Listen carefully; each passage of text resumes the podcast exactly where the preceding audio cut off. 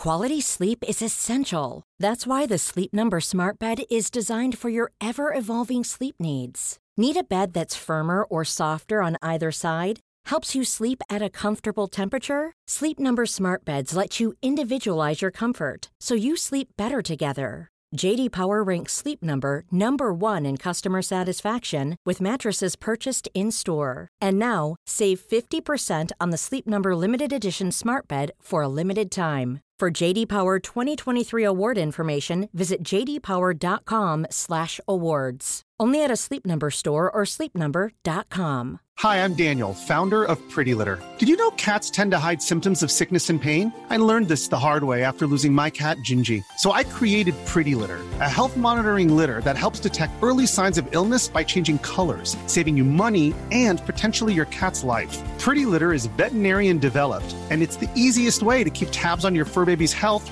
right at home. Go to prettylitter.com and use code ACAST for 20% off your first order and a free cat toy. Terms and conditions apply. See site for details.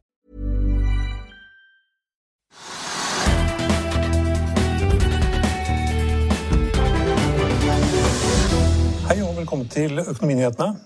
XXL hadde et underskudd på 38 millioner kroner i første kvartal. Selskapet hadde positiv EBITDA-margin i alle land, bortsett fra Østerrike. Aksjen faller 2,5% Tomra hadde marginal nedgang i driftsinntektene i første kvartal, men et resultat før skatt på 161 millioner kroner, mot et underskudd i fjor på 34 millioner kroner. Og aksjen den stiger 0,7% Yara hadde et driftsresultat på 322 millioner kroner i første kvartal, men valutatap reduserte resultatet før skatt til 46 millioner kroner, mot et underskudd på 85 millioner kroner i fjor. Aksjen den faller 3,5% En annen ting som faller videre, er bitcoin. Er ned nå 27% siste uke. Men vi begynner på Oslo Børs, Trygve. Ja, skal, vi ikke ta, skal vi ikke ta bitcoin med en gang? Jo, vi kan godt ta bitcoin med en gang. nei, nei, ja, ja fordi at det, nei, det kan, Vi gjør det for at det er, Oslo Børs er pluss-minus null. Mm. Helt flatt i dag. Og bitcoin faller nå, liksom nå 10% hver dag. Altså det er ikke helt, men I dag har den kanskje falt 15 og Nå ligger den på 50 000 dollar per enhet. og Det er altså ikke, mange dagene siden. Den lå på 62 000 dollar per enhet. Så vi, vi, kan ikke, liksom, vi kan jo ikke se et fall på 10 hver dag. Det, da går det veldig fort nedover. Men det er en varsel om at det går nedover. Og også alle andre eh, enhetene går også ned. Alle kryptovalutaene. Alle faller. Og noen sier at summen av fallet på alle sammen utgjør 1600 milliarder kroner. 1600 milliarder mm. Kroner. Det er mye penger, det. Ja. så, så, så det, det, er et kjempefall på, på, bitcoin og på de andre valutaene, kryptovalutaene. Og Hvis det da liksom går 10 hver dag, så er det jo katastrofe. Og det sies at Da Røkke kjøpte, så kjøpte han omtrent på 50 000 dollar per enhet. Men altså i dag er det ned 15% og på søndag kan det være 10 mm. Og Det vet vi ikke noe om. og Derfor er det det jeg sa så stresset i går, som jeg også ble spurt om, det er det at usikkerheten er så stor. og Det er ikke noe vits. Det er kjempegevinst for de som har vært med der. For de hadde kjøpt seg på nesten gratis til de enorme verdiene som da var i selskapet. Da kursen var 62 000 dollar per enhet. men det er, det er, for farlig. Så hvorfor skulle man være der? Mm. Spetalen òg fant ut at han måtte kjøpe litt når Røkke hadde kjøpt. Spetalen også? ja. Jeg tror det var Musk, nei, Elon Musk som kjøpte. Ja, ja, men etter at Kjell Inge Røkke Det tror jeg var en sak, stor sak i Finansavisen òg. At eh, jeg orker ikke se på at han tjener penger når ikke jeg tjener. Ja, ja, så da måtte han kjøpe bitcoin òg. Men, men, kjøpte han bitcoin? Kjøpte han seg inn i noen uh, kryptoselskap? Det også. Jo, jo, ja, det også. Han, han, kjøpte ikke en akkurat som valuta, da, en krone eller dollar og bitcoin. Det gjorde han ikke altså. Det tror jeg ikke han gjorde. Okay. Jeg oppfatter det som at han hadde kjøpt bitcoin. Sier du bare bitcoin? Det husker jeg ikke riktig. Stein, men altså, det er veldig forundrende for han er så konservativ og forsiktig. Dette er på en måte dette er en sånn helt uforutsigbar uh, utvikling som man ikke vet noen ting om. Det kan, det kan godt tenkes at den blir liggende på 50 000 dollar i uker eller måned for det evighet, men plutselig så faller den 20, mm. så stiger den 5. Og i dag er det ned 15, og det er ganske tankevekkende. Og så har vi de der ekstra morsomme poeng som har vært oppe, oppe, den siste uken. Det er at man lurer på hvor mange mennesker som har bitcoin som da spekulasjonsobjekt, da, som gull, sølv eller hva det måtte være. Og da er det offisielle tallet det liksom, Man snakker om det er liksom 5000 mennesker som da har eh, som da har det her, og tatt med på selvangivelsen sin, mm. som skal fylles ut i løpet av noen par dager nå. Har du på din? Nei. Jeg har ikke noe bitcoin. Nei. Men, det er, men. Men jeg har kontroll på selvangivelsen, ja, ja. eller skattemeldingen, som det heter. Ja, skattemeldingen. Men, skattemyndighetene sier at det er 70 000 som har, tror de, basert på dokumenter de får gjennom fingrene, eller hva det måtte være. Eller, ja, Det er litt skummelt hvordan de har det, men de sier at vi har 70 000 navn som har da sittet på bitcoin. Og det er bare 5000 som har oppgitt det. Så det blir en kjempesmell for alle de som har, eventuelt har en gevinst der. Gevinst, hvis de har det. Tror du skattemyndighetene har kontroll på det? Nei, jeg tror ikke det, men de sa ganske tydelig som vi med at det er 70 000. Så har man fradrag da for, for tap, ikke sant? Det er en sånn spekulasjonsenhet eller valuta. Ja, det er vanskelig å si, men jeg tipper at det er flere enn 5000 som har bitcoin liggende et eller annet sted på en eller annen PC eller datamaskin. Det tror jeg. Men i alle fall, fra, vi begynte med det for at det var litt spennende, vi snakket om det i går, at det ser dårlig ut, og kursutviklingen er veldig negativ. Ja, Den er faktisk litt under eh, ja, vi, vi sier at den er 50 000. vi. Han Ja. er så, så vidt under. Men det er en kraftig nedgang. Ja. Eh, Det er flere selskaper som har lagt fram eh, Jeg kan kanskje ta oljeprisen og hvordan det står til på børsen. Ja, altså Oljeprisen er da, ligger, ligger på 65 dollar per fat fortsatt. Mm. Dollar. Eh, og Det har vært ingen endring de siste dagene. og Så er børsen helt flatt. Så Det var litt opp, og så var det litt ned, så er det litt ned, og så var det flatt. og så I dag er det veldig vanskelig å liksom si noe som driver markedene i det hele tatt. Det har kommet en del regnskapstall som du refererte, men de har ikke slått ut på indeksen i, i det hele.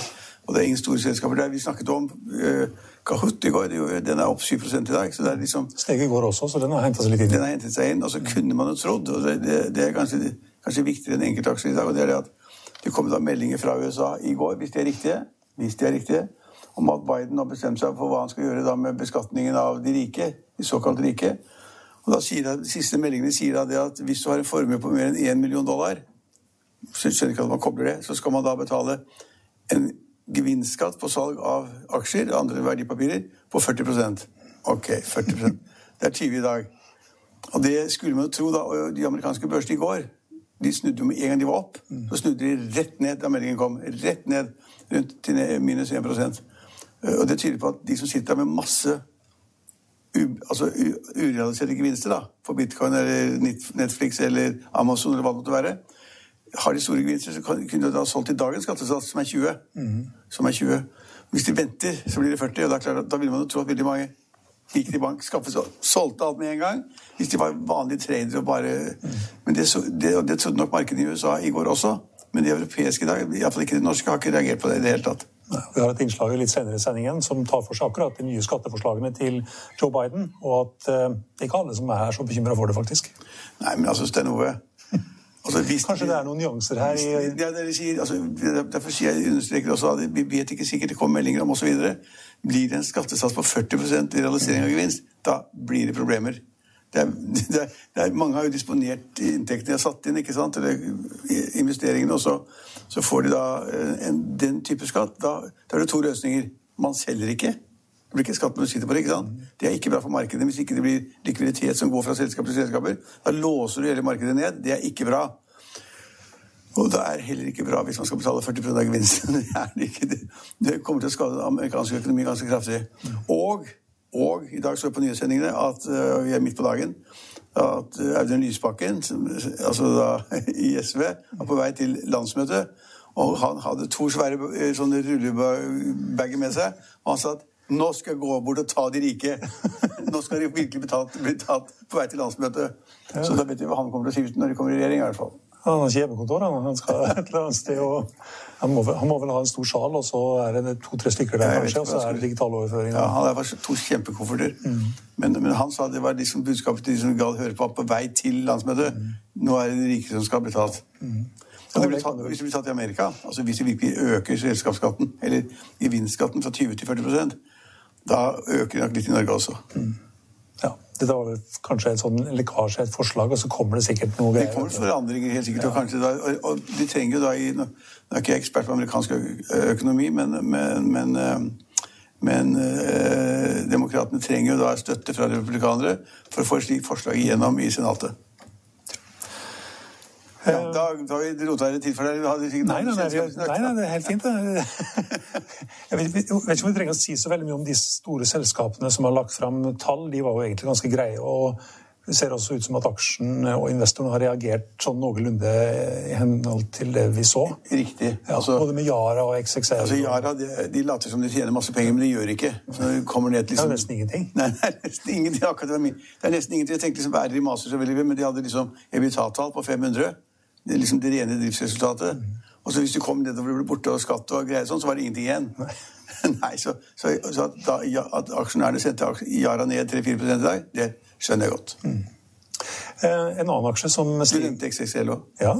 Kan si- kan jeg, kan, jeg kan ikke så veldig mye mer om den, men det er jo viktig å poengtere det at de taper penger. De taper kanskje mindre enn de gjorde i fjor, men de taper penger. Mm. Så det er komplisert å være i det markedet her, selv om de da egentlig skulle ha altså, kjøpe utbytte av at de gjennom sine forretninger og på nettdelen stenger butikkene, eh, som de må stenge, og så er det nettet. Og de er såpass store, og man skulle kanskje tro at de liksom fikk mer gevinst ut av at landet er stengt ned. Så vil de svare at nei, nei, nei, vi, mye bedre for oss hvis de ikke stenger ned, og alle butikkene er oppe. På, den annen side så tjener de sikkert ganske gode penger på netthandelen også, slik at ja, jeg syns at de tapte penger var ikke så veldig bra. Netthandelen var- opp 26 Ja. så det, det, det kan man jo forvente. Ja, men så blir det minus allikevel. Ja. Og så er eh, Østerrike ser ut som er et problem. Ja. Alle, alle, land, alle, altså alle landene de er i, der var det positiv uh, EBITDA-margin, mens i Østerrike var det minus 20. Så det er et kjent selskap, det er et bra selskap sannsynligvis, men det, de får ikke helt til. Og så var det kanskje noen som ble litt sånn usikre når de så eller hørte at eh, de skal refinansiere for å ja, gjøre et eller annet for å få selskapet tilbake på et eller annet nivå, slik at de kan innbetale utbytte. Det hørtes ikke bra ut. Så For vi som er konservative, det hørtes ikke veldig bra ut. Så, det var litt sånn, så XXL var heller ikke noen positiv sak i dag. Eh, Men eh, Kongsberg Gruppen det er en ganske, det er et ganske bra selskap, og aksjen er i all time high i dag. Ja, jeg kan ikke det så godt, faktisk. Jeg så det, og det Utbytte skal betale masse utbytte. Masse utbytte. Ja, jeg kan ikke selskapet godt nok til å si noe om det. Nei. Det sto, i Finansavisen at de skal betale ut 7,6 milliarder i utbytte. Det var iallfall en eh, sparebank-analytiker som trodde. Ja, ja det er bra. Og så holdt han meg, ja. ja. Også staten er jo 50 Bunnsolid selskap, det er sikkert. Det er det jo. um, Taperne, der har vi um, Men vinneren. Vinneren? Det der rare navnet Hunion, eller hva det er for noe. Ja, det er de som skal begynne å plassere ut sånne De, hydrogen... de, de har jo de har opp 20, de har opp 20 i dag. Ja. Hydrogen. Grønn hydrogen. Så det, det er den ene, altså hvis, jeg, hvis jeg riktig, men altså, det er den ene tappestasjonen i Sandvika som er et eget selskap. Er den åpen? Ja, og Så skal de lage flere tappestasjoner. og Så har de inngått en avtale med noen, et annet selskap i dag, også innen hydrogen, som skal levere da grønn hydrogen, Mm. eh, ammoniakk, til eh, hydrogen i Sandvika. Men kursen var opp 20% eller sånn da? Ja. Ja, ok, Da blir det åpnet stasjoner veldig fort. altså. ja. Men de har visst fått en eller annen avtale også om at, eller i hvert fall en plan om at de skal rulle ut sånne hydrogenstasjoner rundt omkring. Ja, ja, ja, men da, det var rullet åpnet det er nesten ingen som selger hydrogenbiler. Nei, de- de- foreløpig er det ingen, men, altså, men kursen har vært opp kjempe i det siste, og så var den opp 20 i dag også. Først 30% og så gikk den litt tilbake til 18% opp. Ja, Den er fremdeles opp 20% Ja, Så der har vi en klar vinner i dag. Og ellers er det mye smått på den der vinnerlista. Men eh, som du var inne på, Kahoot opp 6 da, så den er oppe på lista der. Ja, Det er altså i og for seg et positivt tegn da, med tanke på det, de skattegreiene i Amerika og, og beskatningen av tech-selskaper og den type vekstselskaper. da. På tappelista så har vi PGS. Det vet vi. Elendig går elendig seismikk. Men de skal begynne med øh, fang, altså, Karbonfangst. CO2 karbonfangst, de også. Da går det bedre. I dag i hvert fall. Ned, ned nesten 8 den, eh, Det er et par andre selskaper på den der um, Havgrup var vel det der grønne selskapet som ble skilt ut fra Havørn? var det? Eller, Det tror jeg det var, ja. ja. Den er eh, De var skilt ut 6%. selskapet og kalte det grønt. Havørn også ned 5% Polite 4% Kitron 4% Medisteam, som også har vært et aksje, en aksje høyt oppe på listen, er også ned 4 DLT, det der selskapet som eh, Spetalen og vennene hans eh, ble hjørnesteinsinvestorer i, sto i Finansavisen i går, tror jeg. Ja, det var det der selskapet nede i Porsgrunn, Skien. altså det, Det var det elementselskapet, som skulle bli et sånn bitcoin-selskap. De skulle bli bitcoin-selskap, og så, så skulle de da i bunnen ha selvfølgelig da mineraldelen i det gruveselskapet. Og så skulle det bli bitcoin-selskap, men så ville de som de ville jobbe med, de ville ikke ha noe med dem å gjøre. Og så tror jeg det var en omvendt fusjon, slik at de som da de, de, de, de kjøpte seg inn i eh, Element, og så ble da det det børsnoterte selskapet. Nå, er- så, så nå er det bitcoin og gruve, jeg er ikke sikre. Nei, og de skal investere også i andre ja, virksomheter rundt det nye Ja, altså, men det var jo to ting. Gruvevirksomhet er jo ikke særlig sånn Nei, Jeg tror ikke det er gruvevirksomhet igjen der. Nei, det var grønt. Og så fikk de da en annen bitcoin-produksjon. Eller ikke bitcoin-produksjon, men, men kryptovalutaproduksjon da, av et eller annet sort. Og siden har jeg ikke hørt mer, jeg. Nei, De driver med noen meninger og noen greier. Men de kom altså... De, Elleve gruver. Elleve sånne virtuelle gruver. ja, men de kom jo inn på børsen, da. De der eh, de de ville samarbeide med, som de ville kjøpe opp. Mye element. Ja. Ja, det var vel um, Det viktigste av det lille som skjedde på Oslo Børs Ja. Derfor er børsen også temmelig flatt, da, for det har ikke, det har ikke skjedd så mye.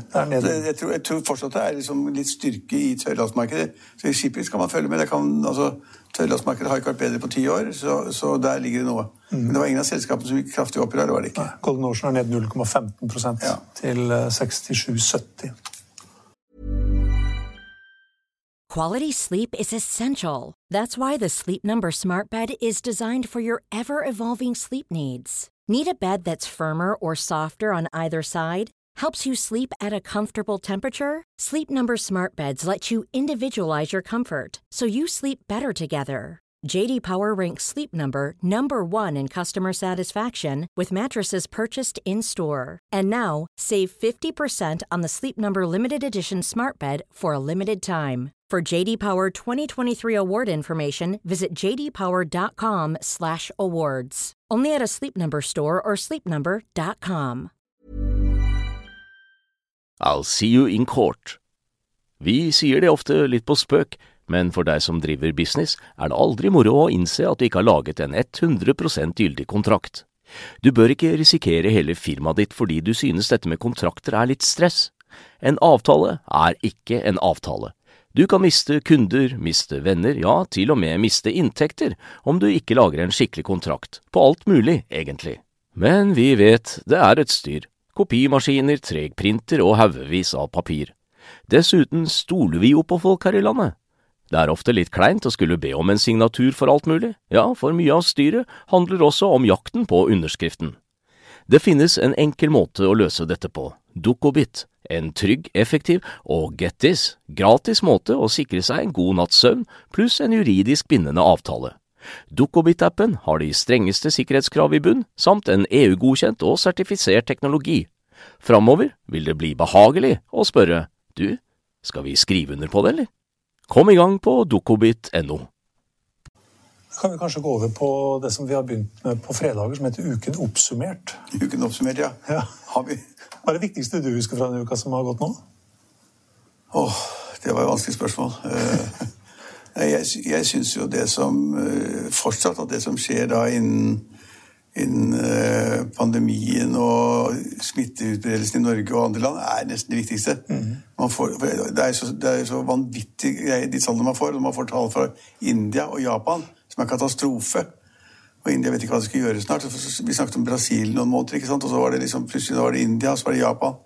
Ja, India er jo liksom hva er det, 1,2 milliarder Ja, men det er eller 300 000 nye smittede hver dag. Ja. Ja, så, så det er katastrofe. Så, det synes jeg er ganske, det er det viktigste. Og så syns jeg det at håndteringen i Norge er ganske viktig. Det ser jeg mye på.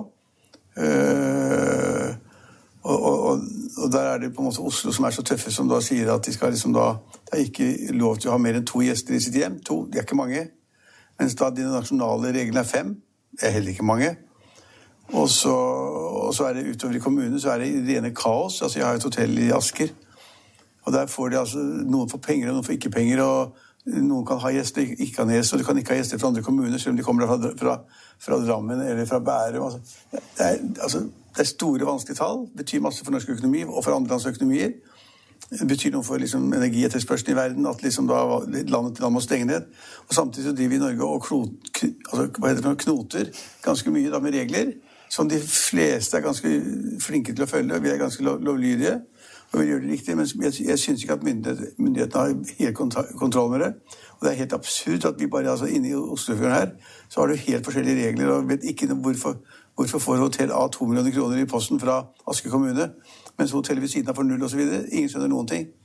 Eh, så, det opptar meg faktisk litt. Ja, jeg skjønner at, at, at det er et så viktig og stort tema. Og liksom når skal man, når skal man få lov å reise igjen? ikke sant? At liksom man, skal, man skal få vite neste gang egne regler endres ved 12. mai eller noe sånt nå. Eh, Men nå skulle man få vite i løpet av en uke. Man skal åpne litt i Oslo.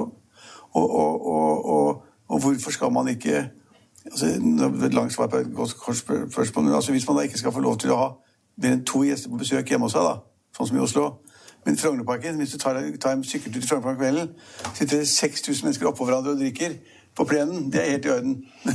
Ja, er det egentlig det? Nei, jeg syns ikke det er i orden.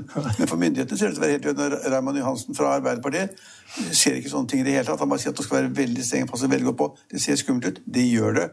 Og derfor skal man da i et hjem som ditt eller mitt ikke ha lov til å ha besøk av mer enn to. Men så sitter hele Frognerparken full. Kanskje du skal begynne å gå ut med tommestokken i Frognerparken? og Ja, ja, men sitter jo de sitter jo oppå hverandre. Det er jo flere tusen mennesker som flykter. Det fine været, fantastisk vær, sitter på gress og greier. Så altså, de har ikke kontroll. Jeg tror de sentrale helsemyndighetene har kontroll på de store, grove greiene. Men utøvelsen og igangsettelsen videre er helt altså, urimelig, vilkårlig og vanskelig å forstå. Men smittetallene begynner å bli rimelig lave, og vi har vel en sånn R-tall på under 1 nå, har vi ikke det? Jo, jo, den, den bør jo ligge på 07 eller 08. Den lå jo på, den lå jo to uker siden så lå den på 0,86. Nei, men, men det, det syns jeg er det viktigste, faktisk. At det er liksom veldig vanskelig å og liksom, De som driver business, de får ikke vite når de skal åpne. De som driver butikker, bokhandel, klesbutikker altså Alt sammen. De, de får ikke vite når de skal åpne. Og de driver en sånn der mystisk handel. Jeg var gjennom CC Vest og handlet der i går, og da eh, Oslo vest. Og da det der handelen med at du kan ringe opp og bestille en skjorte eller bukse, og så ruller de ned en sånn der jern, sånn gardin, ned, og så kommer en hånd ut under, og så liksom da, Jeg betalte det. For da, da har du fått et nummer som du skal hente varene. Det er lov å handle under den, der, den jerndøren. Altså, det, og det er helt det kommer jo ikke folk inn i butikkene da, hvis de stenger det. Men det, ser litt, det er liksom ikke det er ikke forbudstiden, altså. Det er ikke krigen, dette her. Så det, det, det, er mye som er ulogisk, mye som er usmart. Og vi bare hører på hva Bent Høie sier, og hva øh, Folkehelseinstituttet sier. Og så går det inn det ene øret og ut det andre. Og så er det i Bergen, var et langt svar, altså. Men i forrige helg, da åpnet de opp. Vi, hele Norge så da på alle nyhetssendingene at det var helt stappa fullt. De satt På- på, på Bryggen? På Bryggen. De satt skulder til skulder og drakk og koste seg. Det var ren 17. mai. To dager etterpå så skulle de forandre igjen. Da skulle de være streng. Altså, så vi, er ikke, vi er ikke veldig gode. Og hvorfor kan staten plutselig bevilge 500 millioner kroner til da kommuner som da har problemer med sysselsettingen? Og så blir det sjekker i øst og vest uten noe reglement. Ikke ut, altså uten noe reglement. Ute i Asker, som jeg kan ganske godt, altså, så, hvis du, så vidt jeg vet, altså, vi, vi fikk ikke noe av den sjekken, fra, og vi får vel overleve, overleve uten. Men forskjellen var da det at hvis du i fjor, hvilket kvartal, ja, hadde over med, over med 30 millioner i omsetning, fikk du ikke noe. Hvis du hadde 29,9, så fikk du 2 millioner i posten med en gang. Og Scandic i Asker, som ligger ved motorveien der, de fikk ikke noe penger av den siste sjekken. Fordi det sto da at de da på papiret hadde, hadde lokalisering i Oslo, for det er hovedkontoret. hovedkontoret. Men alle vet at det ligger der ved motorveien. Alle kjører, Der ligger det Scandic Hotel. Så han direktøren skjønte ikke hvorfor ikke de fikk noe til. Jo, fordi de var registrert i Oslo. Ja, Men de driver virksomheten i Asker. Ja, regler er regler. Regler er regler. Så Det, var, ja, altså det der går jeg og tenker på hele tiden. Det er så mye snålt og vanskelig å forstå. Så. Men det burde nesten være sånn at hvis du hadde stor Og omsetning fotball. Unnskyld. ja, Men det var nesten sånn at hvis du hadde stor omsetning, så var det større grunn til at du skulle få en om du hadde liten omsetning, Ja, kanskje? fordi hvis du hadde stor, så kunne du ansatt masse mennesker. ikke sant? Så Hvis du hadde ansatt masse mennesker og hatt litt virksomhet i gang, null. Og hvis du ikke gjør noen ting, ikke noen ansatte, masse penger.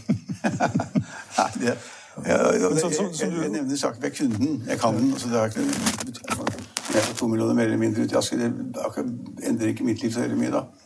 Men man må kunne regler. og Det er liksom vilkårligheter opp og ned. altså.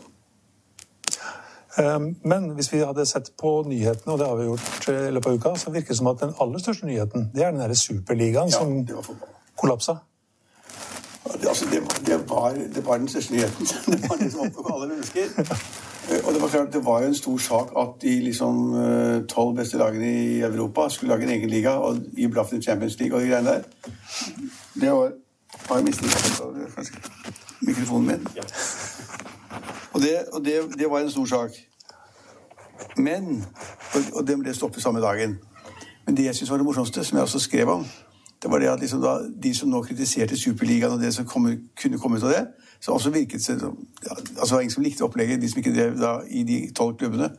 Men alle de som sa det at Superligaen var noe svineri opp og ned, de er de som i, dag, i årevis dag ut og dag inn har skrevet om hvor fælt det er i Fifa og Uefa i dag. For der er altså da, Og fotballspillere tjener 300 millioner i året eller 200 millioner. Og agentene tjener 50 millioner. Og, der, og fotballklubbene liksom er milliardbeløp. Og alt har vært gærent. Og korrupsjon i Fifa, korrupsjon her og der. Alt har vært galt med fotball. Mm. Fotball, VM, alt mulig gærent. Og kom det frem i går, det syns jeg var så morsomt, trenerne i fotballklubbene de som ikke være, skulle være med i ligaen, men de som da er trenere i England, i de klubbene som ikke skulle være med, de tjener 200 millioner i året for å være fotballtrener. Så er det to stykker ble trukket frem. Han, han i eh, hva heter han, Guardiola eller Guardiola eller sånn I City? Ja. Han tjente 200 millioner eller sånn, og så var det en annen som tjente 200 millioner. Og Solskjær han tjente ikke mer enn 100, han. Nei. Mye penger, det. Ja, men det er jo bare, og det er helt sjukt, og det er overgangssummer som man ikke Nå snakker man om han Haaland. Med et fotballovergang så ville han da liksom bli priset i halvannen milliard eller én milliard. Mm. Jeg vil bare nevne at det var jo helt vilt før. Og så kommer det kanskje et opplegg som folk ikke liker ikke helt forstår. Og at noen skal ta til seg på en måte utelukke andre. Og det er masse argumenter mot den ligaen. For nå kan man jo på en måte gå fra Molde, da opp til å, å vinne i Norge, norgesmester i Norge, og så komme i Champions League. Og så bli med et sted, og så slå til de andre, så komme helt opp og tjene masse penger. Det var en mulighet for å komme videre. Men i den nye ligaen så var poenget det at de tolv start, startselskapene, etableringsselskapene, de skulle sitte og bestemme alt i hele livet, aldri, aldri komme, komme, ut. Og så skulle man kanskje få inn fem nye. Kanskje på et eller annet tidspunkt. Ja, ok. Men det morsomme er den der hyklerske greia. Altså, at det var de som var helt krig, krise før, de plutselig hele englegjengen, Englebakken i kommentatorene og i resten. Og det som er morsomt, er jo at det, det, virker ikke som at det er noen som har vært positive til det. I hvert fall har media bare klart å finne negative kommentarer og negative ja, personer ja, ja. som har vært negative til det. Men Det virker nesten som at det er et eller annet PR-firma som har gjort en kjempejobb for Uefa Fifa her. Ja, det kan godt tenkes. Det er godt poeng. Det er sikkert noen som har gjort det, faktisk. Og plantet det rundt omkring. Og jeg, masse norske kommentatorer som er sånn heldige. Altså, liksom, det, var så fælt med Fifa og Uefa før, og med fotball-VM i Qatar. Og, også, og det var så fælt at fotballspillerne tjente så mye penger. Det var så fælt at tjenerne penger. Og det var så fælt at eierne tjente penger. Og plutselig så var det liksom Superligaen, det var den store fienden. Og alt det, alt det andre vi hadde drevet på serien, det var englegjengen, hele gjengen. Og Ole Gunnar Solskjær sto der liksom, intervjuet liksom, hvor det var engelen selv. vet du, Snakket og koste seg. Lot som han ikke skjønte noen ting? Nei, altså Stein Ove. Og så var det en som sa det at det, var, det, det ville ikke være så usannsynlig at man fikk en sånn liga allikevel, etter en stund, på et annet nivå. Det kan godt tenkes. Og så var det demonstrasjoner jeg vet ikke om du så det, demonstrasjoner utenfor Manchester United mot eierne. Mm -hmm. For de var noen svin, vet du. Uh, og, eierne, nå hadde sjefen gått, og nå skulle de ha ut eieren òg. Ja. ja. Altså, eieren skulle ta ut dem. tror de kunne bare demonstrere, marsjere bort til, til stadion, mm -hmm. og så forsvant eieren. Okay. Men det er ikke sånn det foregår. Og de eierne altså skal ikke Jeg, jeg, jeg eier ikke noe fotball. Jeg ble en gang spurt om å gå med penger i Vålerenga, men så klokelig sa jeg nei til det. Men altså, eierne har jo på en måte skaffet penger til trenerne. Mm -hmm. Skaffet penger til driften. Skaffet penger til nye stadion. Til å bygge opp eierne. altså de kjøper spillere? Ja, ja kjøper spillere, helt riktig. De eierne har ikke tatt ut noe penger. Du kan ikke tenke på at det er fotballeier som har tatt ut noe penger og, og kjøpt hummer og, og, og, champagne for det. Det er bare så sjukt, hele debatten om de greiene. Så det var den store tingen de siste ukene. Og det er helt enig. Og kanskje den beste nyheten Uefa og Fifa kunne få, for det ble helt stille om Qatar og ja, fotball-VM. Det var, altså, det var helt stille. Noen som prøvde hele tiden Hva da med Qatar? Skal vi ikke få stoppet de også nå? Jeg tror ikke det er så lett. Men altså, eierne de blir helt ut. Og jeg jeg skal ikke representere alle eiere, for jeg har da ikke noe fotball å gjøre, men, eh, men, men, men man burde forstå, hvis man driver og kommenterer journalistredaktør, at eierne ikke sant, at eierne de kommer med penger, de. Skaper grunnlag for et eller annet. De sa jo ikke noe ut. For hvis de hadde behov for å ta noe ut, hadde de aldri satt noe inn. Nei. Ja, så det, det er ganske morsomt. Og, og søtt å se på eieren òg, som unnskyldte seg overfor supporterne. Ja, han ene, han fra Liverpool, var det vel. på TV satt jeg begynte nesten å grine. Jeg unnskylder meg for av klubben. Jeg unnskylder meg alt jeg har gjort feil i livet. Jeg, jeg skal, patetiske greier, altså. Men god underholdning var det jo, da. Ja, veldig bra. Var det å skrive om.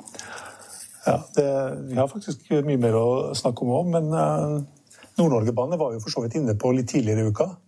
Ja, men Nord-Norge-banen bør vi bruke to ord på. Ja. Fordi at uh, på, Jeg skrev en leder i går, øh, veldig kritisk selvfølgelig og Dagsavisen hadde en leder i var. Halleluja!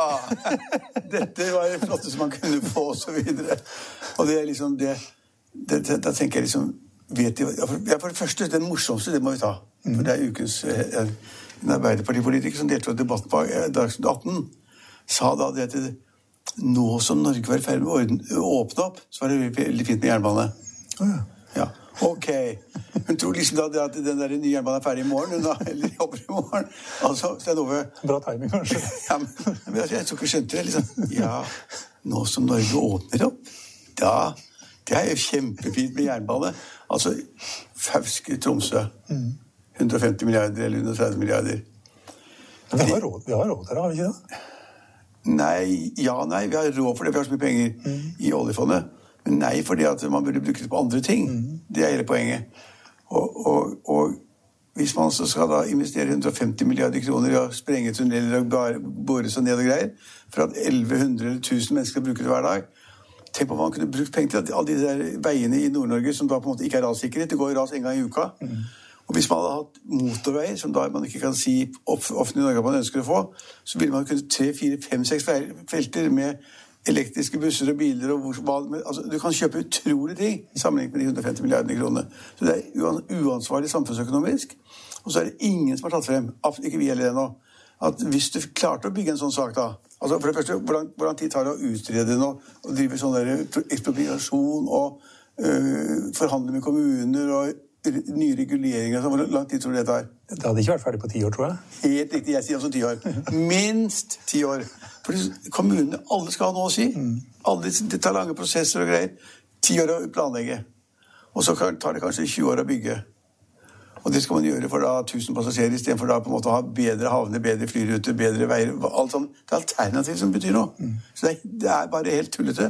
Og så blir det omfavnet av Dagsavisen og noen andre, og som glemmer det at liksom på toppen av investeringen på da 150 milliarder eller 200 milliarder, eller hva det måtte være, så kommer driftskostnadene. Vedlikeholdet. Vedlikeholdet, ja, men skal være ansatte, skal løpe frem og tilbake og stelle billetter eller kontrollere billettene. og Passe på at det er papir på toalettet, og, og, og, og, du skal vaske disse togene. og er masse du skal gjøre. Skal jeg tippe? Så tipper jeg at driftskostnadene per dag per passasjer er 2000-3000 kroner. Så bare for å liksom, Det var driften av ikke noen investeringen å gjøre engang. Hvis du regner da 10% av, av 150 milliarder, så er det 15 milliarder da i måte kapitalkostnader i året. Som skal fordeles da på de passasjerene som det nesten ikke finnes noe av. Og så kan du ikke ha så veldig mange stopp, for da blir hastigheten så lav. Gjennomsnittshastigheten blir for lav. Så det er, det er, Det er, gods, det er godstransport, da, kanskje? Ja, de sier altså Må det er fisk, oppdrettsfisk, sier de bare Men de sånn. må stoppe, de òg. Ja, men Stenove, Sten den strekningen i Norge som det flys me, me, flyr mest mennesker på, det er Oslo-Bergen. Det går ut Når tidene er normale, da. Hvis de hadde på en måte bygget da Oslo-Bergen, ja, den veien over Ringerike eller hva det måtte være, og, da, og hvor man da kunne på en måte kjøre tog til tre, tre og en halv time eller tre timer til Bergen, så ville- man bli kvitt fire femtedeler av flytrafikken på Østlandet omtrent. Men de har ikke penger til det hvis de skal bruke 150 milliarder kroner på Fauske, Tromsø, hvor det ikke er mennesker. Og så får ikke lov å komme på, for de må ha farten oppe. Nei, Nei det, det der er Jeg har ikke vært i Bergen i det siste. Har du, har du vært i Bergen og, kjørt, og, og, og tatt trikken til flyplassen? Nei, det har jeg ikke gjort. Men har du vært i Bergen Det er lenge siden jeg har vært i? Bergen. Veldig lenge siden. Ja, det lenge siden jeg har vært i Bergen også. Men jeg, jeg tok den der trikken en gang som skulle gå til flyplassen. Det skulle ikke det først, da, så ble det Jeg går jo så sakte. okay. Fordi at det er holdeplasser overalt, ikke sant? Da blir hastigheten lav, og da tar folk taxi til flyplassen. Men hadde du hatt et, et tog fra Oslo til Bergen, satte alle pengene på det, så hadde det løst et kjempeproblem. Miljømessig, utslippsmessig, alt mulig. Men isteden så kommer det sånne surreforslag, for det er det, er valgår. Og for det hadde at Fremskrittspartiet av alle, og Senterpartiet og SV foreslo det greiene der. Og så måtte Arbeiderpartiet stemme for, fordi de var redd for valget. ikke sant? Mens Høyre stemte ikke for. Nei. Nei, Stein Ove.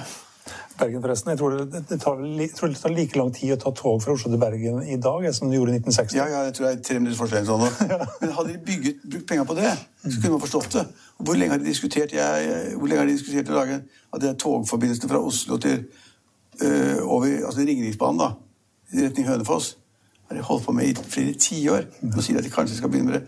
Men Stortinget da, har jo da alle sammen vet at øh, vet hva heter det, norsk, øh, norsk, norsk nasjonal transportplan.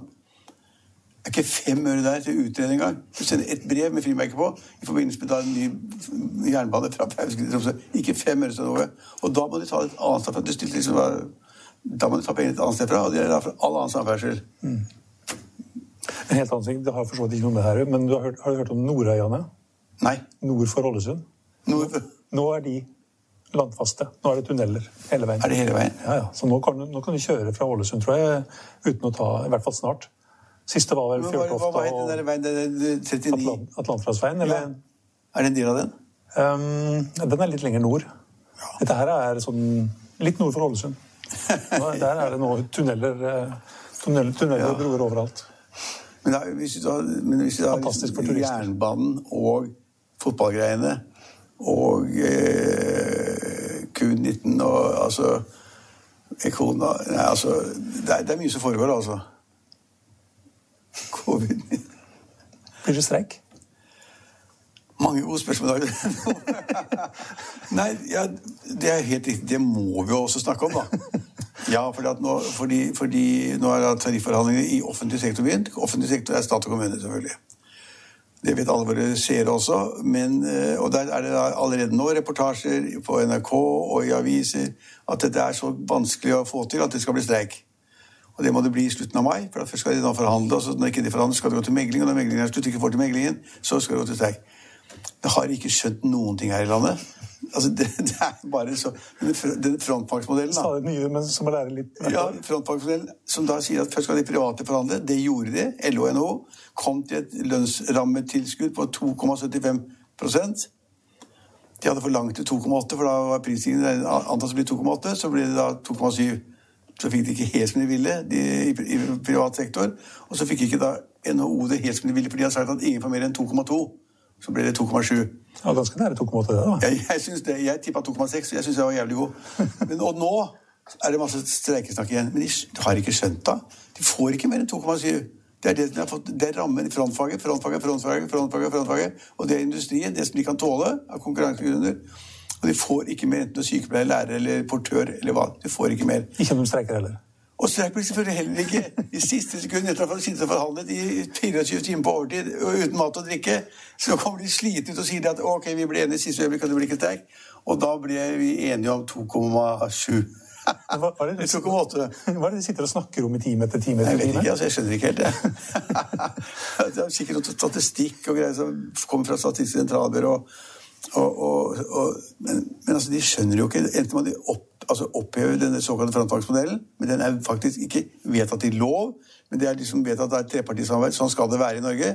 LO, NHO og alle sammen de alle andre. Vi skal ha det. Men likevel så later de som det ikke eksisterer. Og det er bare så tullete. Og du kan ta hvilket veddemål du vil med meg.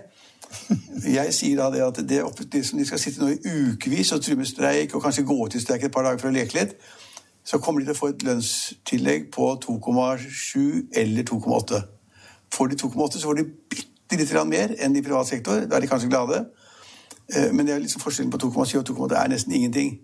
Og, der kommer de, til, og de tror, de tror, sykepleiere, lærere og alle andre i offentlig sektor, fordi de snakker tull, så tror de at de skal få da lønnstillegg på over 3. Men hvis de skulle fått det, så hva skjer da? Ja, da blir det bråk.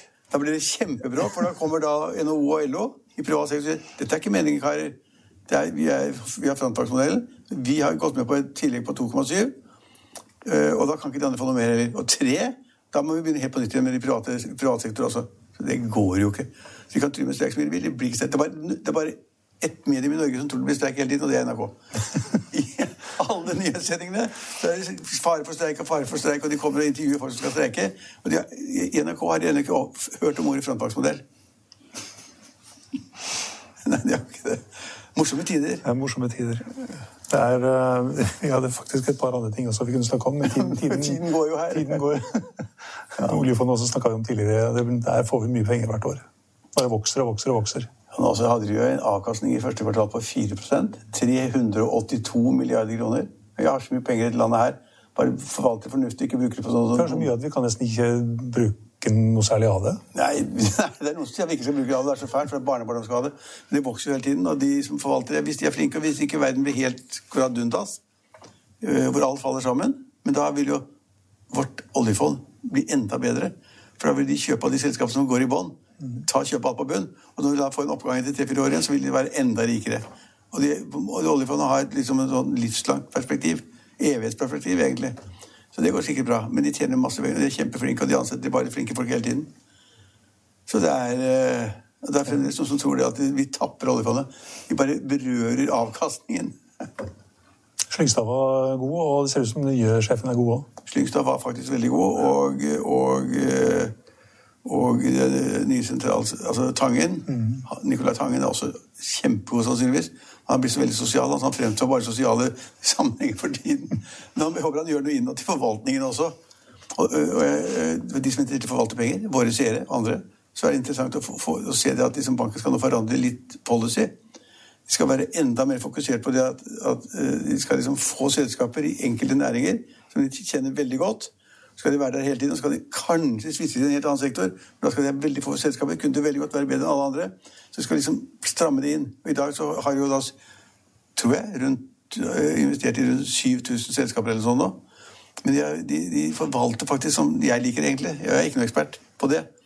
Det er de liksom få selskaper, én sektor som de kan ut og inn, og ikke være overalt. Mm. Det er sånn, sånn burde det være. Så eier vi litt over en, ja, en 1,01% eller noe sånt av Apple, er det? Ja, det gjør vi også, men hvis du deler hele oljefondet på alle, alle, Norges innbyggere, hvor mye blir det da? Ja, Da blir det vel ja, nesten to, to millioner. Ja, rundt to millioner. Ja. ja. Det blir vel 11 100 milliarder delt på 5,5. Eller 5,5. 5,5. Her må tallene i orden. ja. ja, men det tror jeg Nå skal vi slappe av en helg. Nå er det bare blått og det har vært blå himmel nå i to måneder. og det er... Ja. De som lurer på hvordan det går med boligprisene fremover, og spesielt i Oslo, de kan lese Finansavisen i dag. Ja. Og det var det vi hadde for i dag, men vi er tilbake igjen på mandag klokken 15.30. Følg med oss igjen da.